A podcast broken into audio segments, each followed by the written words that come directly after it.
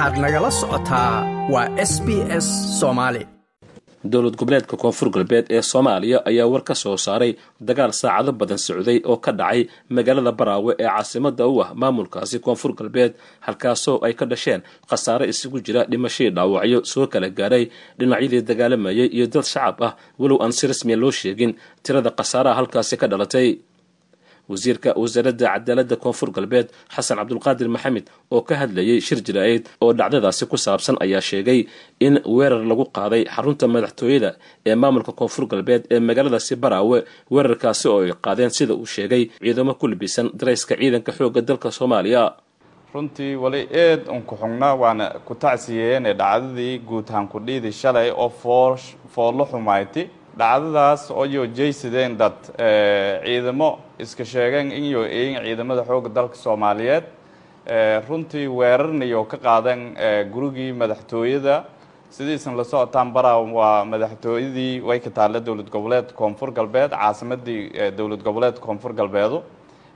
Shalay abaara sagaal saac galabti ilaa xalay ilaa iyo hiraabto wali ku socday dagaal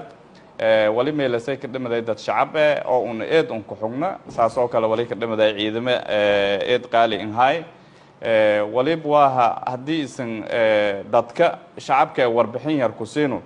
ciidankaas wali haaya iyo meeliyo weerareen. Meelo la weeraray horta madaxtooyadii koonfur galbeedu ciidankana si isan ogtiinba wali jare dad lebeska isku qaadadaw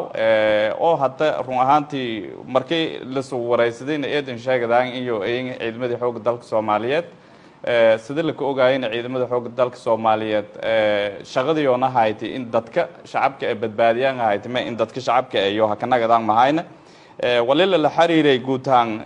madaxdii ciidamada xoogga dalka soomaaliyeed oon ka sarayto wasaaradda gaashaandhigga saas oo kale wali lala xiriiray taliyaha ciidanka xoogga dalka soomaaliyeed iyo madaxdii sare dalka. Run ahaantii ilaa xalay wali la iska dayay in habadaas la roojiyo. Oo ciidankaas hoob iyo sidiyoo sheegadayan ciidan dowladeed eyin xabadaas roojiyaan madaxtooyadana weerarka ku dhaafan. Walina jawaabka biyeyna in ciidan kale oo ciidan dowladda koonfur galbeed ee aan roogo korno. Degmadan baraawe saas oo kale hiraabto wali suubiyeena inyo qobsadan eelboorkii umutan adeegay oo halka il anfurnayti baraawe ey hiraabta inyo baawuro ka gooyan eelboorkii dhexe istaagan may hadega kor araan ooyo un diidan xitaa dadkii dhaawacmay oo dagaalkaas ka dhaawacmay gurmudka lansoobiyi lahay in gurmudka lansoobiyiyo diidan sidoo kale wasiirku waxa uu ku eedeeyey ciidamada admis ee ilaalada ka ah xarumaha dowladda koonfur galbeed ee magaaladaasi in ay dayaceen mas'uuliyadoodii iyadoo sidoo kale uu sheegay in ciidamo dhaawac ahaa lagala degay gawaaridoodii kadibna la dilay walow aysan ciidamada admis ka hadlin jiritaanka eedayntaasi. Saas oo kale wali eed un ku xugnaa wal horla aragaynan hayne amisom wali mas'uulku haytay sidiisan ogtin amisom eelboorka yaa mas'uulku ah saas oo kale madaxtooye markii xaalad khatar e gallay yewa iyo mas'uuliyaddii haytay in ma aragne arrintaasay dafacdo laakiin dhacdadaas wali ka jaray in shalay dhexgallay amisom ciidankaas madaxtooyada ha weeraray meelo seetay. Dhaawacagii ciidanka madaxtooyadii haqaadi baawurtiya la kula degay markaas kadib la dhamaystiray la dilay wal horla aragayn hayna saas oo kale eelboorkii iyo gacanta ka haayeen oo dowladdiina ka aamintay mandate showna haayay iyana in maylar raayusa hiraabta maleeshiyaadkaas qobsadeen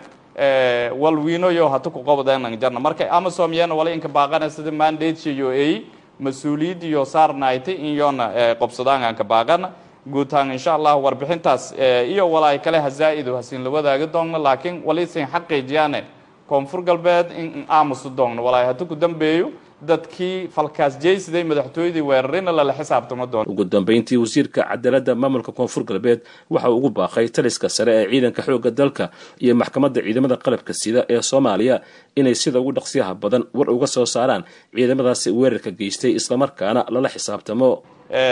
Intaas warbixinta guud waaye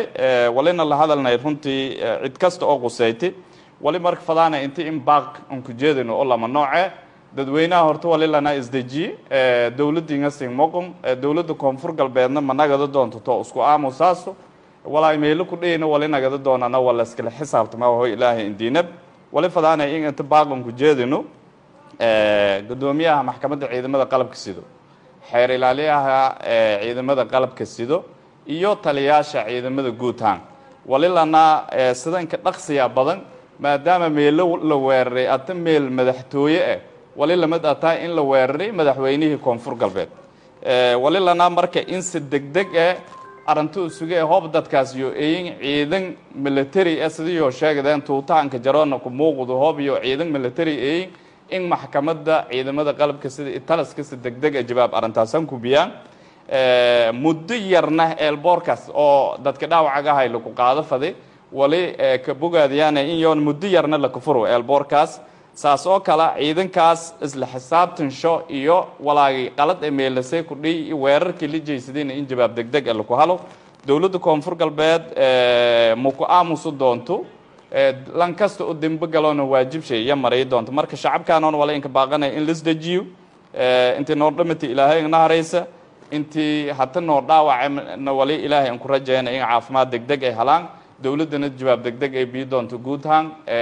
madaxweynaha aan ka sareeyo walina baaqas injeediyaane taliska iyo maxkamadoogii ciidamada qalabka sida in jawaab degdeg eh arrintaas ku biyaan. Si kastaba dagaalkan ka dhacay gudaha degmada baraawe ayaa ahaa mid saacado badan socday kaasi oo sababay in xitaa la xayiro shaqadii garoonka diyaaradaha ee magaaladaasi oo joogsatay waxaana dagaalkan sida dad goobjoogayaalaha ay sheegayaan u dhexeeyey ciidamo ka wada tirsan dowladda ee kale ah daraawiishta koonfur galbeed oo iyagu ilaalo ka ah aqalka madaxtooyada iyo ciidamo ka tirsan xoogga dalka soomaaliya kuwa oo labada dhinacba la sheegay inay isu abaabuleen habbeeleed ma doonaysaa sheekooyinkan oo kale? Ka dhegayso apple podcast google podcast spotify ama meel kasta oo aad bodkastigaaga ka hesho